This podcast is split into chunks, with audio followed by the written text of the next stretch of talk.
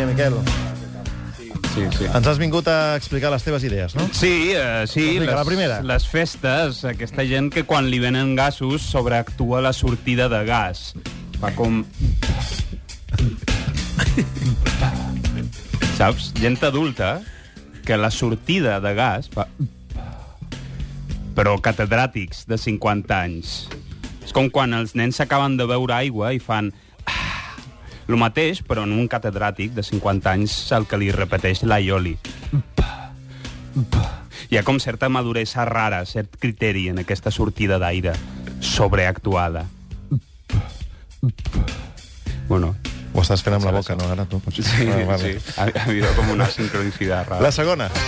Sí, condueixes de nit per una carretera secundària sense il·luminar, està tot fosc, i de sobte els fars del cotxe il·luminen un cor de 20 persones enmig de la carretera, d'esquenes al cotxe, un cor de cambra, sencer, enmig de la carretera, que s'ha posat allà un moment per fer-se una foto de grup per a la portada del seu proper disc.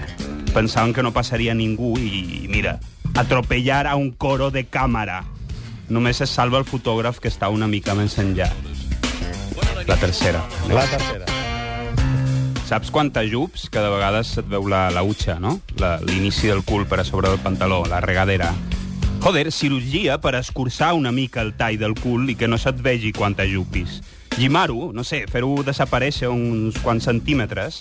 Error quirúrgic. Li van esborrar el tall del cul per sota. Li van soldar la part més profunda. Li van fotre la part important, fonamental del cul. No la regadera, no el inicio.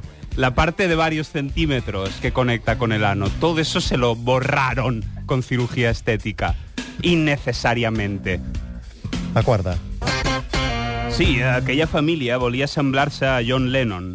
Tota la família volia ser com John Lennon, físicament, idèntics a ells. A ells, no? A ells mateixos. A ell. Volien formar un sol Jo- John Lennon perfecte amb els seus cossos entrellaçats. I, bueno, i, i, i no feien res. Vull dir que tenien el desig de ser com John Lennon i pensaven molt, però no, no hi fotien res concret per assemblar-se'n. O sigui, estaban allá a la taula de- diciendo, joder, qué ganas tenemos de ser como él, pero ni el pelo ni nada se tocaban. Y ahí estaban con esa pulsión de ser John Lennon. Pulsió ni punto. Había pereza y pulsión muy fuerte al mismo tiempo. La cinquena.